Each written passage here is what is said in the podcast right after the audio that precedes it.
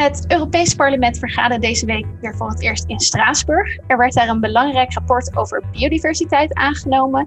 En we bespreken vandaag waarom er meer aandacht voor biodiversiteit moet zijn. Ook moeten we het hebben over een belangrijk akkoord dat ervoor moet gaan zorgen dat multinationals eindelijk eerlijk belasting gaan betalen. Welkom bij Bellen met Bas, de podcast over Europese politiek waarin we bijpraten met GroenLinks-Europarlementariër Bas Eickhout. Mijn naam is Mijke Vedder.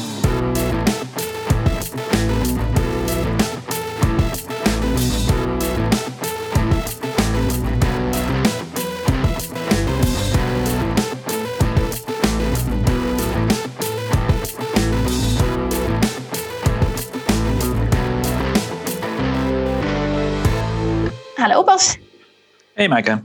Ja, jij hebt er alweer een, uh, een hele reis volgens mij op zitten, want jij was zelf ook in Straatsburg, toch?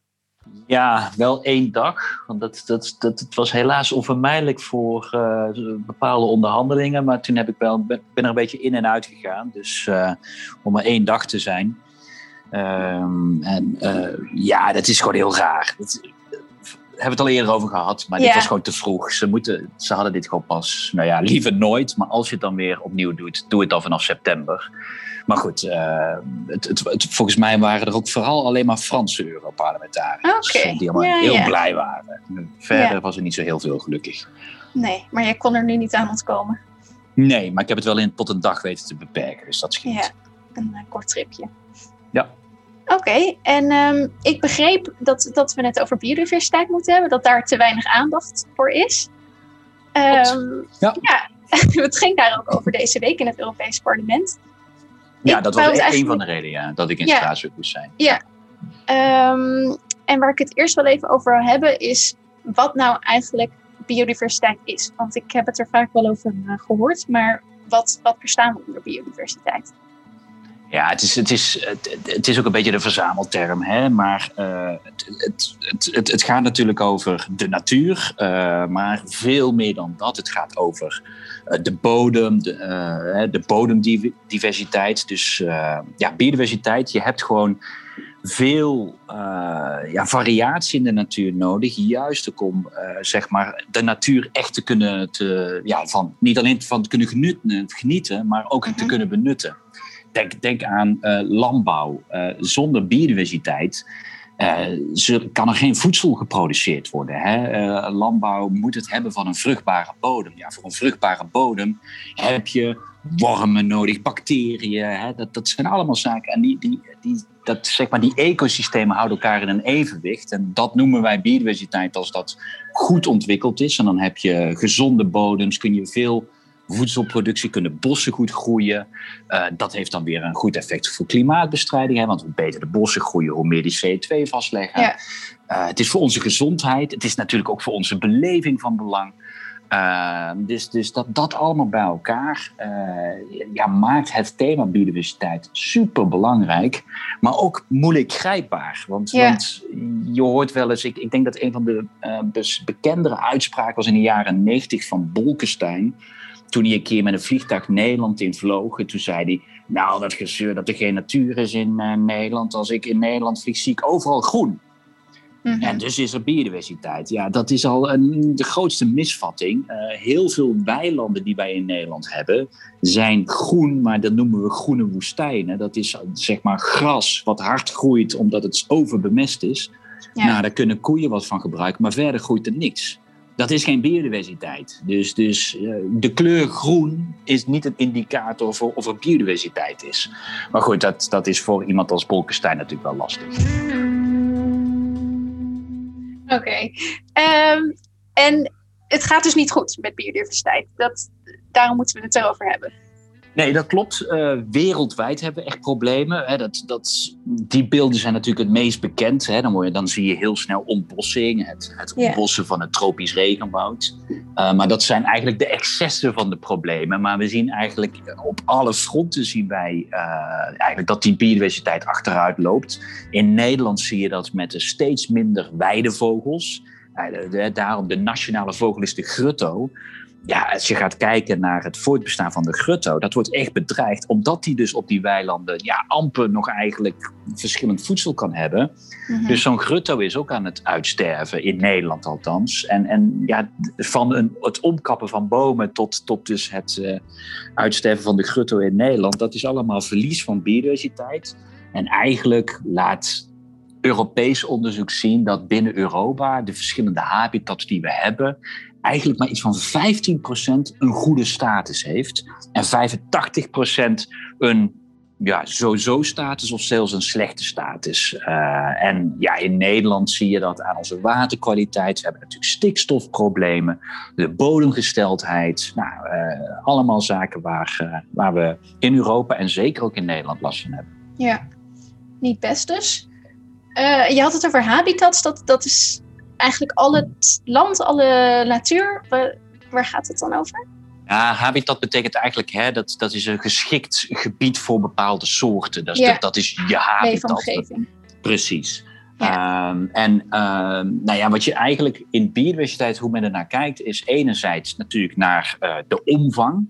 He, je kan je voorstellen uh, hoe hoe groter het gebied is, hoe meer verschillende diersoorten in evenwicht met elkaar kunnen leven. Mm en, en ja, bijvoorbeeld de beer heeft het zwaar in Europa, omdat die best wel, die maken heel veel kilometers. Dus hoe kleiner het gebied is, ja, hoe moeilijker het is voor een beer om te overleven.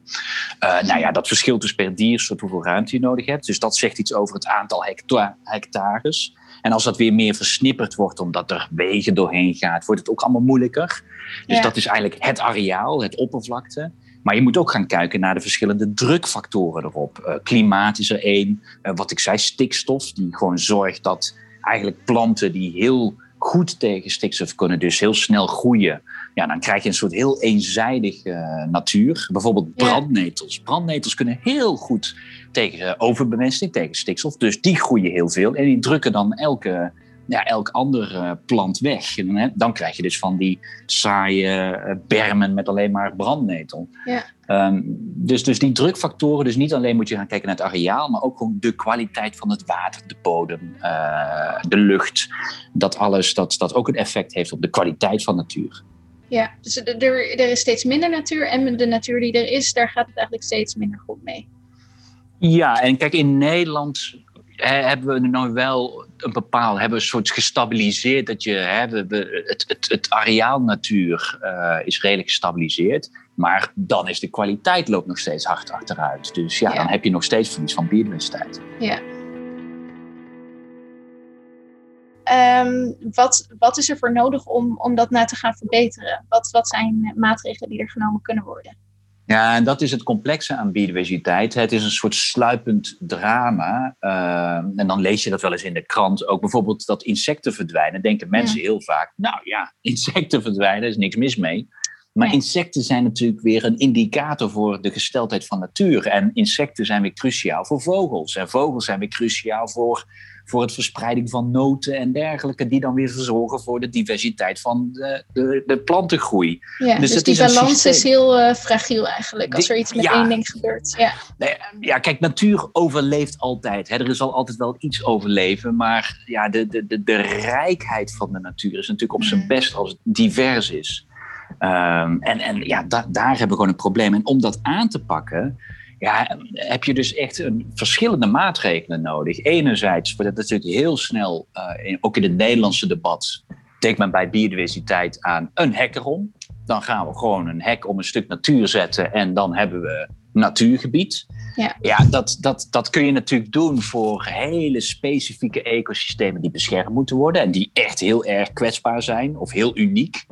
Um, maar ja, dat is niet de, enige oplossing. Je zal ook moeten gaan kijken naar hoe zorgen wij dat de drukfactoren op natuur verminderd worden. Nou, dat is dus enerzijds klimaatverandering. Dus je moet klimaatverandering aanpakken om biodiversiteitsverlies tegen te gaan. En tegelijkertijd, als je biodiversiteit tegen, tegengaat, dan heb je ook weer dus meer vastlegging van CO2 in de bodem en in de natuur, wat weer een klimaatmaatregel zijn. Dus klimaat en biodiversiteit zijn zeker gelinkt aan elkaar. Mhm. Uh, maar we moeten de stikstofdepositie, hè, dus, dus wat neerkomt op de bodem van stikstof, ja, dat, dat moeten we verminderen. En eigenlijk moeten we natuurlijk naar ons hele consumptie- en productiesysteem kijken, omdat dat allemaal gebruik maakt van, van ons areaal. Uh, ja, wat allemaal tot versnippering en drukfactoren op, uh, op natuur en daarmee verlies van biodiversiteit leidt. Ja, dus er moeten op allerlei verschillende vlakken moeten er uh, dingen gebeuren. Ja, en dat maakt het moeilijk, want dat is gerelateerd aan landbouwbeleid, dat is dus gerelateerd ja. aan onze consumptie, dat is gerelateerd aan klimaat. Nou, dan heb je weer energiebeleid eraan gekoppeld. Uh, energiebeleid, dan komt ook de discussie van bio-energie. Als je nou klimaatbeleid doet, wat weer leidt tot verlies van bossen, dan ben je ook weer niet slim bezig. Dus zo zijn er natuurlijk heel veel dwarsverbanden die de aanpak van biodiversiteit lastig maken. Maar het is wel echt cruciaal voor, uh, ja, voor niet alleen voor ons genot, maar ook echt gewoon voor het voortbestaan van alle producten waar wij gebruik van maken.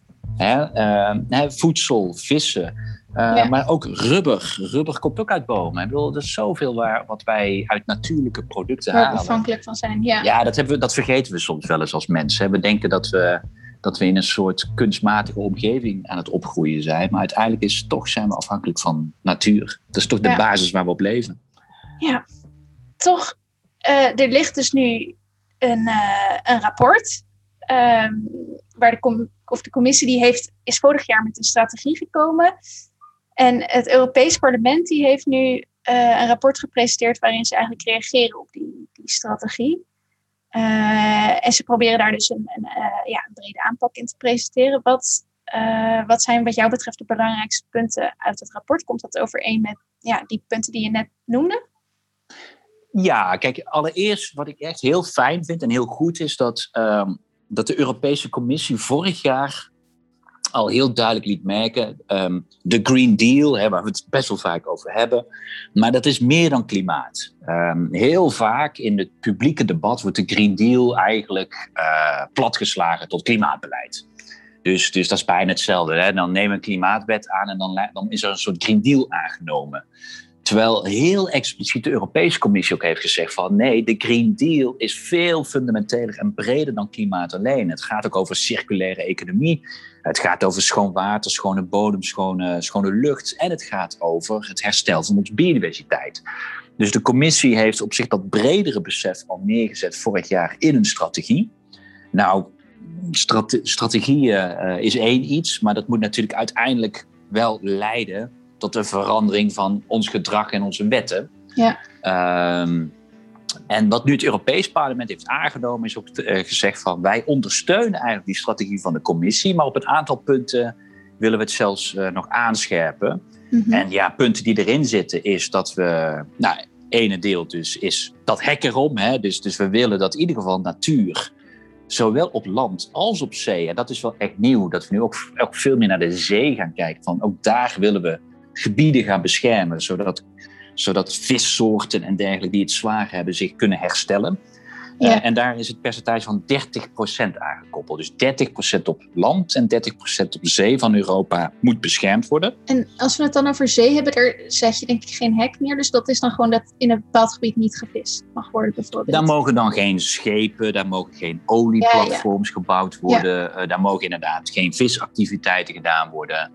Eh, daar mag het leger, daar mag de marine niet oefenen. Want Hm. die gebruiken ook nog delen van onze, van onze zee. Dus, dus dat, dat, echt, dat, dat, dat je daar gewoon eh, herstel krijgt van, eh, nou, van, van ecosystemen, daarmee ook vissoorten. Ja. Ehm, op land is het soms iets makkelijker, maar we gaan wel een discussie krijgen of die 30% moet dat nou helemaal strikt beschermd worden. Dan heb je het bijna letterlijk over een hek erom. Nou ja, daarvan zegt ook het Europees Parlement, eigenlijk zou je 10% strikt moeten beschermen. Dat zijn echt hele kwetsbare systemen die echt her- moeten herstellen. Ja, dan moet je gewoon geen menselijke acti- activiteit toelaten. Mhm. Maar die andere 20% om tot de 30% te komen, moet wel beschermd zijn, maar kunnen we misschien wel ja, iets meer ruimte creëren, van dat, dat het niet een hek erom is. Uh, Ja. Dus, dus dat, dat, dat wordt nog een interessante discussie. Nou, de commissie heeft ook aangekondigd, wij willen, wij willen bomen gaan planten. Dus gewoon echt de bebossing gewoon weer vergroten in Europa. Mhm. Ja, daar is het, het getal van 3 miljard bomen aan gekoppeld. Ja, dat is wel wat.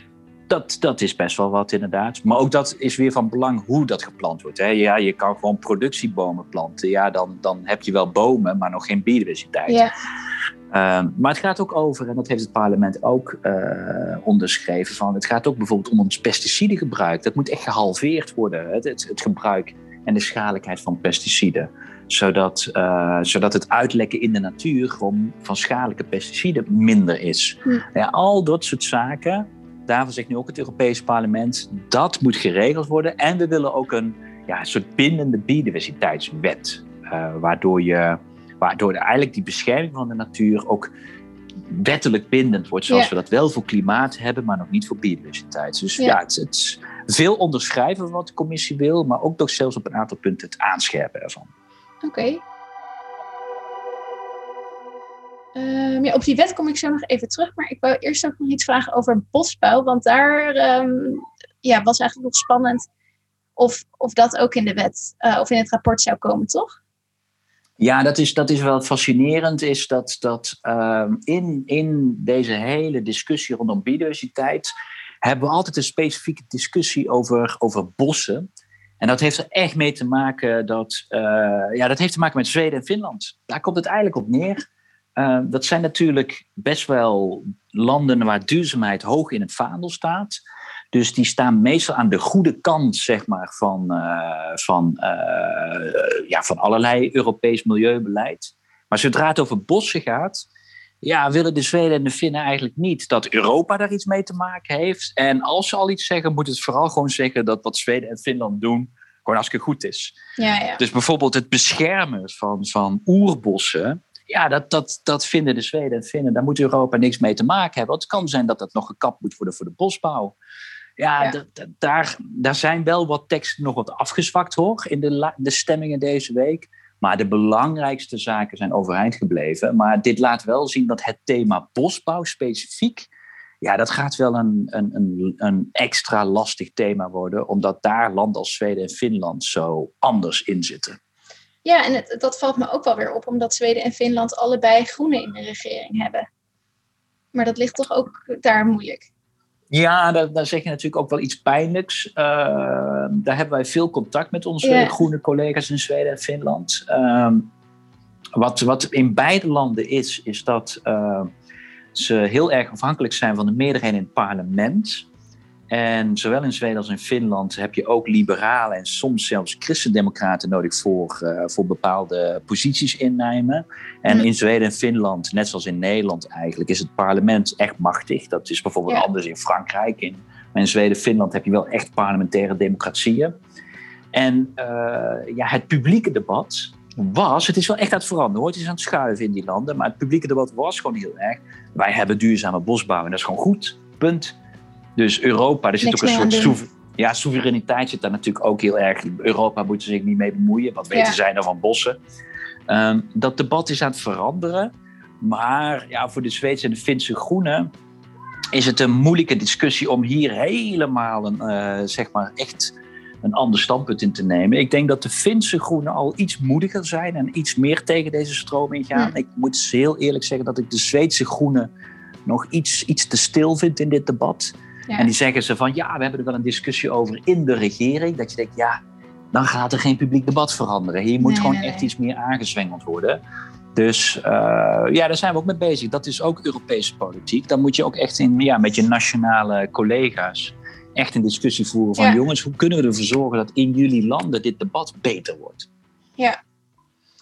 Oké, nou, wordt, wordt vervolgd. Ehm, ja, en ik wou het nog even hebben over die wet. Want wat ik me ook afvroeg is dat er zijn al eerder doelen gesteld eh, op het gebied van biodiversiteit. Maar die zijn niet gehaald en het gaat dus eigenlijk alleen maar slechter. En die strategie die er nu ligt en het rapport van het EP, dat, dat zijn allebei nog geen, eh, geen bindende afspraken volgens mij. Dus hoe Nee. gaat er nu inderdaad gezorgd eh, worden dat, dat het nu wel gehaald wordt en er echt verbetering komt? Ja, eigenlijk komt er nu een hele spannende tijd aan. Dus daarom is dit rapport wel. Kijk, het is een niet bindend rapport van het Europees Parlement. Dus je hebt helemaal gelijk. Hè. Je kan zeggen, nou ja, goed, oké, rapport, whatever. Mhm. Maar eh, omdat eigenlijk in de tweede helft van, eh, van het komende jaar, of dus van 2021 van dit jaar, uh, komen er echt een aantal initiatieven aan van, van, de, van de Europese Commissie. En eigenlijk wat het parlement nu zegt tegen die commissies: van jongens, zorg dat daar ambitie in zit. Nou ja, wat, wat gaat er aankomen? er komt een wet aan die echt, zeg maar, bindend wordt voor bedrijven die producten importeren, dus op de Europese markt zetten, maar die ontbossing tot gevolg hebben. Nou ja, dan is een bekend voorbeeld is natuurlijk soja of palmolie. Ja, dan gaat dat dus vooral over ontbossing buiten uh, Europa. Precies, dat is meer uh, omdat de meeste ontbossing gebeurt buiten Europa. Uh, okay. Gebeurt natuurlijk ook heus binnen Europa, maar een echt grotere ontbossing vinden plaats buiten Europa. Maar wel heel vaak voor west, westelijke producten die wij willen. Hè? Dus we kunnen wel zeggen, wat gebeurt er in Indonesië? Maar ja, dat is heel vaak, dus voor, bijvoorbeeld in Indonesië voor palmolie, wat wij in onze zeep, in onze koekjes uh, hebben, soms dus nog in biobrandstoffen. Hm. Ja, als we die producten importeren, dan moeten we er dus voor zorgen dat die producten niet tot ontbossing hebben geleid. Dus de commissie heeft beloofd, want ook hier heeft het parlement ook gezegd van dat hebben we nodig. Uh, we willen een wet die eigenlijk de ketenverantwoordelijkheid voor die bedrijven gaat regelen. Zodat de, dat die bedrijven uh, ja, uiteindelijk aansprakelijk kunnen worden gesteld voor als er ontbossing plaatsvindt na, door hun producten. Nou ja, ja, hoe strikt de commissie het wetsvoorstel gaat inrichten, dat moet nog blijken. Maar dat staat wel op de rol, waarschijnlijk in het najaar, september waarschijnlijk. Dus dat, dat is één iets. Uh, dan in dat hele klimaatpakket dat er aan gaat komen hè, in juli, uh, zit er ook nieuwe wetgeving op duurzaamheidscriteria voor bio-energie. Nou, we weten allemaal, bio-energie, als je dat niet goed doet, dan leidt dat gewoon ook tot ontbossing en daarmee ja. verlies van biodiversiteit. Nou, dat, dat, nou ja, natuurlijk is er een discussie van wat moet je doen. Eigenlijk zou je bio-energie helemaal moeten gaan uh, verminderen. Ja, dat, dat, dat is een politiek redelijk onmogelijke discussie in Europa. Dus, dus waarschijnlijk zullen we ons politiek ja, vooral moeten gaan richten op veel strenge criteria, zodat als iets bio-energie wordt genoemd, dat dat ook echt uh, tot, tot uh, verbetering van biodiversiteit leidt en niet verslechtering zoals nu vaak. Ja. Maar ook uh, hoe wij precies CO2-vastlegging door landgebruik en de bossen precies gaan regelen, dat, dat staat in wetgeving, dat komt ook in juli. En dan in het najaar komt er nog een grote biodiversiteitswet aan. Die, die gaat ook over de bescherming van natuur en ook het herstel van biodiversiteit. En dat zal, als het goed is, ja, wettelijke, uh, wettelijke bescherming moeten krijgen en wettelijke bindenheid krijgen. Dus, ja, want daar worden dan echt doelen in, in vastgelegd. Ja, als het goed is, worden daar echt doelen in vastgelegd. Ja. Okay. ja.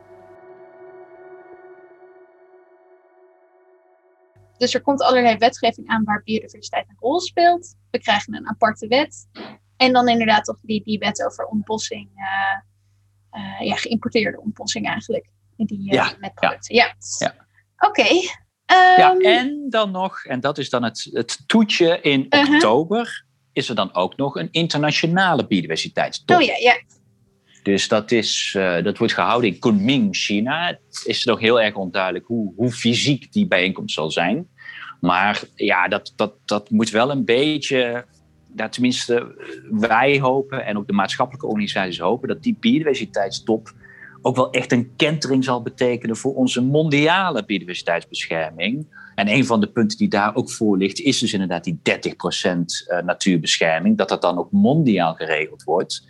Um, ja, dat, dat, ja, wat we nu zeggen is eigenlijk zou, zou, dat, zou die top in Kunming zou wel het Parijs-moment voor biodiversiteit moeten worden. Oké. Okay. Dus uh, er gaat nog veel gebeuren in het najaar uh, van, van dit jaar gewoon. Ja. ja. Oké, okay, dan, dan praten we er dan uh, weer over verder. Want we hebben vandaag nog meer te bespreken. Um, oh ja? ja, ja. ik wou het ook hebben over belasting voor multinationals. Want um, vorige week spraken de, de, ministers van Financiën van de G7, dat zijn de zeven rijkste industrielanden, Canada, Duitsland, Frankrijk, Italië, Japan, het Verenigd Koninkrijk en de Verenigde Staten, die, eh, die kwamen bijeen om het te hebben over belastingen. we gaan eerst even luisteren naar een fragmentje van de Britse minister van Financiën, wat hij zei over ja, de deal die daar werd gesloten.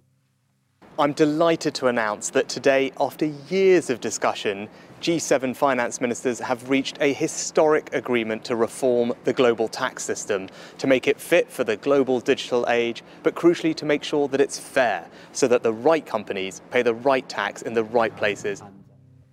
Um, ja, hij noemt dat dus een historic agreement. Ja. Dat is nogal wat. Um, ja, het, het, we hebben het al wel heel lang over multinationals en dat er iets aan gedaan moet worden. Want uh, ik, ik, las er is dus een race to the bottom gaande. Uh, het officiële tarief van winstbelasting, dat is tussen 1990 en 2018 van 38 naar 32 procent gedaald. En zelfs dat betalen de meeste multinationals 22 dus procent. 22, ja. ja. Ja, Nee, bijna gehalveerd inderdaad. Ja. En dat wordt dus veel vaak niet uh, betaald, omdat die multinationals vestigen zich dan in het land waar het uh, ja, nog lager is dan het gemiddelde dus. Um, ja. En ze zijn het nu eens geworden, die G7-landen, over dat er een 15% minimumbelastingtarief moet komen voor multinationals. Um, ja, hoe, hoe historisch is dat?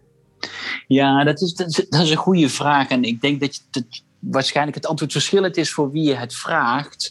Maar ik denk dat je, kijk, en een minister van Financiën die we net hoorden, natuurlijk als je een deal hebt, is het altijd historisch en revolutionair en, en de wereld zal nooit meer hetzelfde zijn. Ja, precies. Um, ja, dat moet, je, dat moet je een beetje met een, met een korreltje zout nemen. Maar het is wel echt historisch in de zin dat we zitten hier met de zeven rijkste landen. En uh, die, die doen er nogal toe, want dat zijn dus daarmee ook hele belangrijke landen voor alle bedrijven. Uh, waar ze dus ook economische activiteit hebben. En als die hebben gezegd van wij gaan zo'n minimumtarief hanteren van 15 procent. En dan, dan daarmee ondermijn je ook in grote mate het hele constructie van belastingontwijking. Omdat deze bedrijven hebben gezegd, zelfs als je dus nu jouw hoofdkantoor vestigt in een ander bedrijf waar je minder hoeft te betalen, voor jouw activiteit in ons land gaan wij uiteindelijk toch weer het, uh, zeg maar het belastingtarief oplussen tot die 15 Ja. Dus je ontkomt niet aan die 15% Dus daarmee wordt er een soort van bodem gelegd van, van een belastingniveau voor alle bedrijven, voor alle grote multinationals. Ja. ja. dat is gewoon heel belangrijk, want tot nu toe was die bodem er niet. En ja, was, was eigenlijk hè, race to the bottom. Ja, als dat door zou gaan, zou, het, zou je uiteindelijk op 0% uitkomen. Mm. dus, en dat nu de zeven grootste economieën zeggen van dit gaan wij allemaal hanteren, is gewoon historisch. Daar kun je lang over praten. Maar uh, het, het, het principe is historisch. Maar zoals vaker, we zijn er nog niet, want ja, dit is de G7, dit moet verder getild worden. Uh, er is natuurlijk een discussie. Dat niveau van 15% is toch een beetje teleurstellend, want Joe mm. Biden, toen hij begon, had gezegd van, uh, wat mij betreft, moet dat op 21%. Dus dat is ergens toch dat is natuurlijk een beetje intransparant. Want ja, dat zijn gewoon de G7, zitten zeven ministers bij elkaar. En in één keer kwam er 15% uit. Dus toch ergens is dat niveau verlaagd. Zeer waarschijnlijk door Europese landen. Dus zeer waarschijnlijk hebben Italië, Frankrijk en Duitsland ja, ondertussen al gecheckt met de andere EU-landen. En hebben de andere EU-landen dit wel een beetje naar beneden gepraat. Denk aan een land als Ierland, die daar natuurlijk. Uh, want Ierland is zo'n bedrijf waar een veel lager tarief wordt gerekend. En dat is ook waarom ze allerlei bedrijven in, in Ierland hebben. Dus die zeggen ook dat is cruciaal voor de bedrijvigheid van onze economie. Dus, dus nou, dat, dat niveau is wat, ja, wat mij betreft echt wel toch wel fors verlaagd, wat natuurlijk jammer is. Mhm. En wat heel belangrijk is, het moet nog wel precies uitgewerkt worden. Want je kan je voorstellen hoe je dit precies gaat regelen. Ja, daar moeten nog alle kleine lettertjes voor ingevuld worden. En dan moeten we wel echt gaan kijken dat die 15% ook echt 15% is en dat er niet allerlei kleine muizengaatjes in die wet geregeld worden, wat natuurlijk nog altijd kan gaan gebeuren. Dus we zijn er nog niet. Uh, de vlag kan niet uit, maar ik zou wel de vlaggenstok alvast wel buiten hangen. Oké. En um, uh, dat zijn dus nu zeven landen die het eens zijn geworden, maar dat zou uiteindelijk uh, een, een wereldwijd minimum moeten worden, lijkt me. Wil dat echt, moet dat effect hebben? Ja. Um, wat ja, wat moet daarvoor nog gebeuren? Want zij kunnen dat niet alleen met z'n zevenen invoeren, toch? Nee, nee, ja, je kan natuurlijk proberen. Maar de volgende stap die natuurlijk belangrijk is, is de G20. Want met de G20 komt eh, China erbij, komt okay. India erbij, komt Brazilië erbij, Rusland, Saudi-Arabië volgens mij. Nou, in ieder geval, dan heb je het over de 20 grotere economieën. Dus uh, ja, uh, plus ook wel echt een aantal grote landen. Hè? China, India. Dan heb je het ook over meteen 2 miljard, ruim 2 miljard inwoners. Die zij uh, in zich vestigen. Dus uh, ja, die stap naar de G20 moet gezet worden. En men is er bij de OESO, hè, de OECD in het Engels, wat wij de OESO noemen. Dat is de organisatie van samenwerkende rijke landen ja, dan hè, daar zitten dus ook uh, Zuid-Korea, uh, Australië, alles zit daar ook bij. Ja, je moet er wel voor gaan zorgen dat die allemaal het ook nog eens worden. Dus, ja. En die moeten dan veel meer in de OESO of de OECD, die, die gaan ook echt meer de specifieke regels verder invullen. Dus we hebben nog een G20-stap nodig.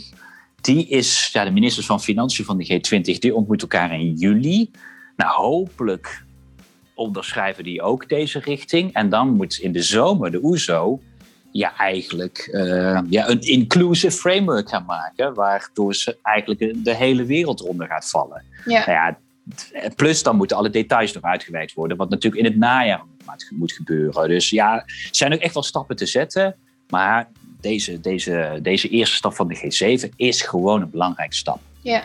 ja, want kan het nog afgezwakt ook worden, uh, tijdens die volgende stappen die er genomen moeten worden? Of is die 15% nu wel vrijwel zeker dat dat er ook echt gaat komen?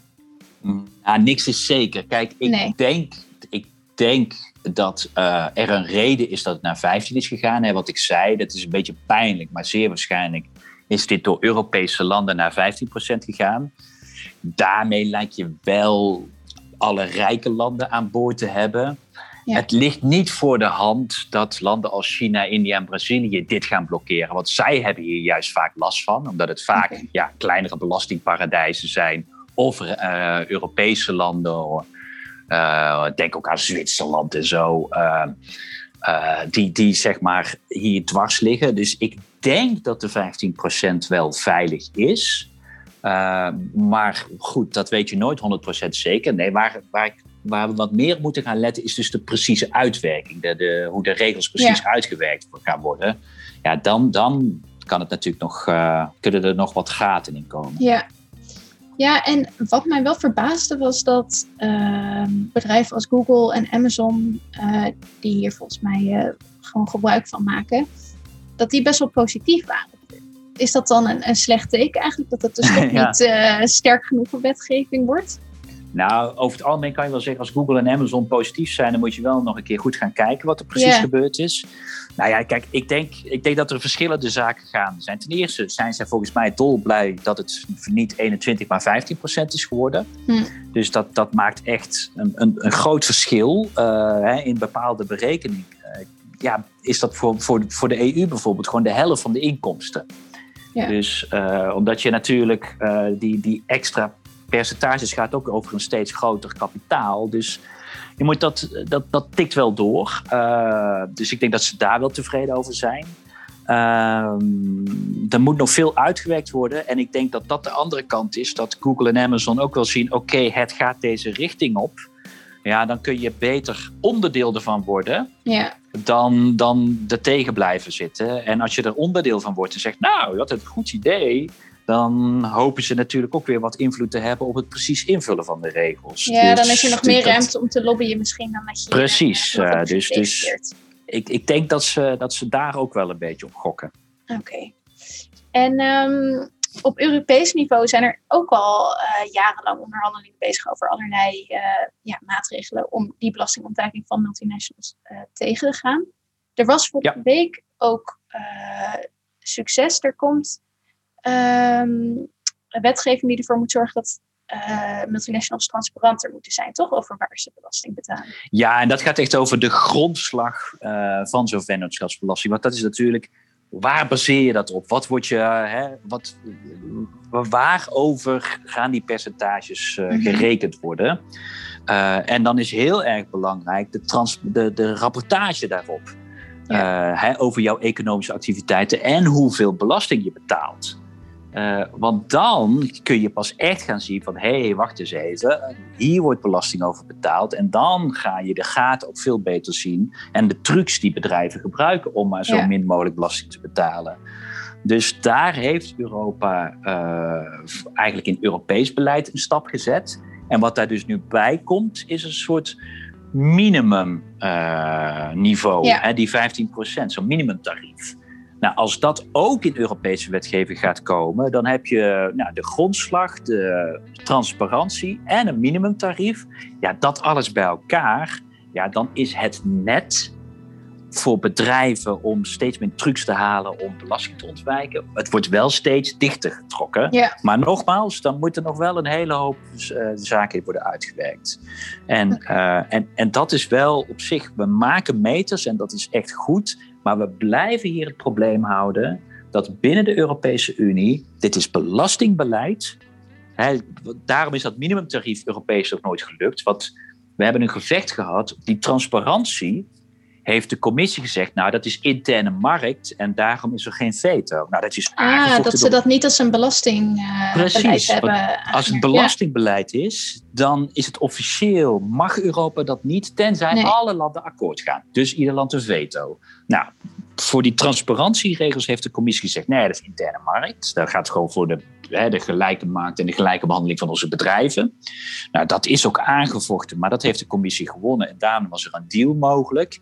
Maar zo'n minimumtarief, ja, dat, dat, is, dat wordt moeilijk om dat niet onder een belastingregime te laten vallen. Nou, die druk gaat nu wel opgevoerd worden dat alle EU-landen die 15% gaan accepteren, ondanks dat ze dus een veto hebben. Het kan nog steeds één land kan een Europese wet blokkeren. Dus, dus ja, dat blijft dus Achilleshiel van Europa op belastinggebied. We, ja, we, hebben, we hebben 27 landen die een veto hebben, met toch wel een aantal belastingparadijzen die, uh, ja, die niet terugdeinzen om hun veto ook in te zetten. Is, is Nederland daar ook onderdeel van? Zij hebben die ook eerder hun veto uh, ingezet? Ligt die op beurs? Nou, eerlijk is eerlijk, op die transparantie was Nederland echt oké. Dus, dus dan zie je wel een verandering die gaande is ook in Nederland. Maar op, op specifieke minimumtarieven en dergelijke is tot nu toe Nederland ook nooit echt heel erg een uh, enthousiast voorstander geweest. En, en ja, als je nu gaat kijken naar hoeveel kapitaal er nog steeds door Nederland heen gesluist wordt, ja, dan zijn wij gewoon een belastingparadijs. Alleen het lijkt wel dat het debat in Nederland aan het veranderen is. En nou ja, dit wordt een goede testcase of Nederland nu ook echt dit soort stappen eh, volmondig gaat steunen. En niet alleen de transparantie. Ja. Oké, en ehm, eh, de commissie die heeft ook eerder al een, een Europese belasting voor techbedrijven aangekondigd.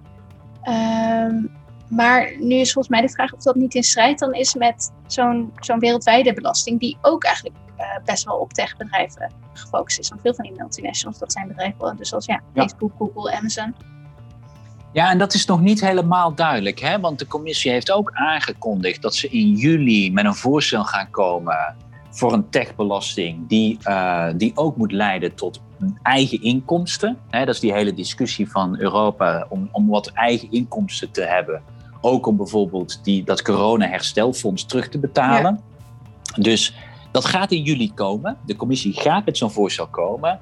Maar in hoeverre dit nou ja, ondersteunend of afwijkend is ten opzichte van zo'n minimumtarief van 15%, ja, dat, dat moet nog echt een beetje blijken. Ik bedoel, daar gaat, uh, daar gaat de commissie dus in juli mee komen. We weten in ieder geval wel dat de EU-landen hebben gezegd, nou we gaan nationale techbelastingen dan intrekken ter faveur van een Europese techbelasting. Hm. Maar ja, hoe dat precies dan uh, compatibel is met de Wereldhandelsorganisatie of dus de OECD, die dus bezig zijn, ook met dit soort afspraken. Plus, ja, hoe gaan we daar? Want dit is een gevoeligheid die ook met de Verenigde Staten er nog is. Want die techbedrijven zijn bijna allemaal Amerikaanse bedrijven. En Joe Biden wilde natuurlijk met deze afspraak een beetje een soort einde hebben aan de discussie rondom de techbedrijven die uit Amerika komen. Mm. Nou ja, dat is toch niet, niet helemaal afgerond. Dus nou, ongetwijfeld, er komt een EU-VS-top aan hè, voor een komende week. Nou, dan zal dit ook besproken worden. De commissie gaat nog wat voorstellen, de OECD, hè, de OESO gaat dus nog met uitwerking komen. Dit moet echt toch allemaal wel duidelijk ja, er zijn mensen Dus, zich eh, waarschijnlijk nu eh, over aan het buigen. dit, Ja, hier zullen allerlei intelligente experts, Ja. plus de lobbyisten van Google en Ja, Amazon en vrienden, natuurlijk. die zijn hier natuurlijk mee bezig. eh. Ja. Oké, nou, dat eh, wordt dus weer iets wat, wat we eh, gaan zien en volgen. En ehm, Ja, ook Ja. dit is nog niet helemaal afgerond. Nee. Dat is volgens mij best wel vaak zo dat iets niet is is, thema, afgerond. ja. Maar, maar dat We is denk ik ook wel inherent aan politiek. eh, zeg maar, die, die Ja. groene sociale wereld, dat is altijd, dat, dat, dat blijft een continu gevecht. stapje Daar voor we, stapje. daar zijn we nooit in één keer. Nee. Nee, oké. Ehm, nou, dan zijn we er volgens mij weer voor vandaag. Eh, bedankt. Ik hoop het, ja, nee, ja. Ja. Volgens mij hebben we al weer lang genoeg.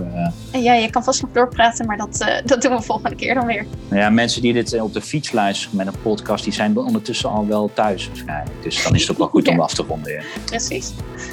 Oké, nou, eh, bedankt en eh, we spreken je snel weer.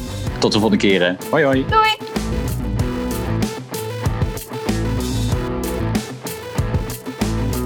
Dit was Bellen met Bas, een podcast van GroenLinks Europa en de Groenen in het Europees Parlement. We horen graag van je. Laat je reactie achter op vriendvandeshow.nl slash bellen met Bas en meld je aan voor onze Europa-update op europa.groenlinks.nl.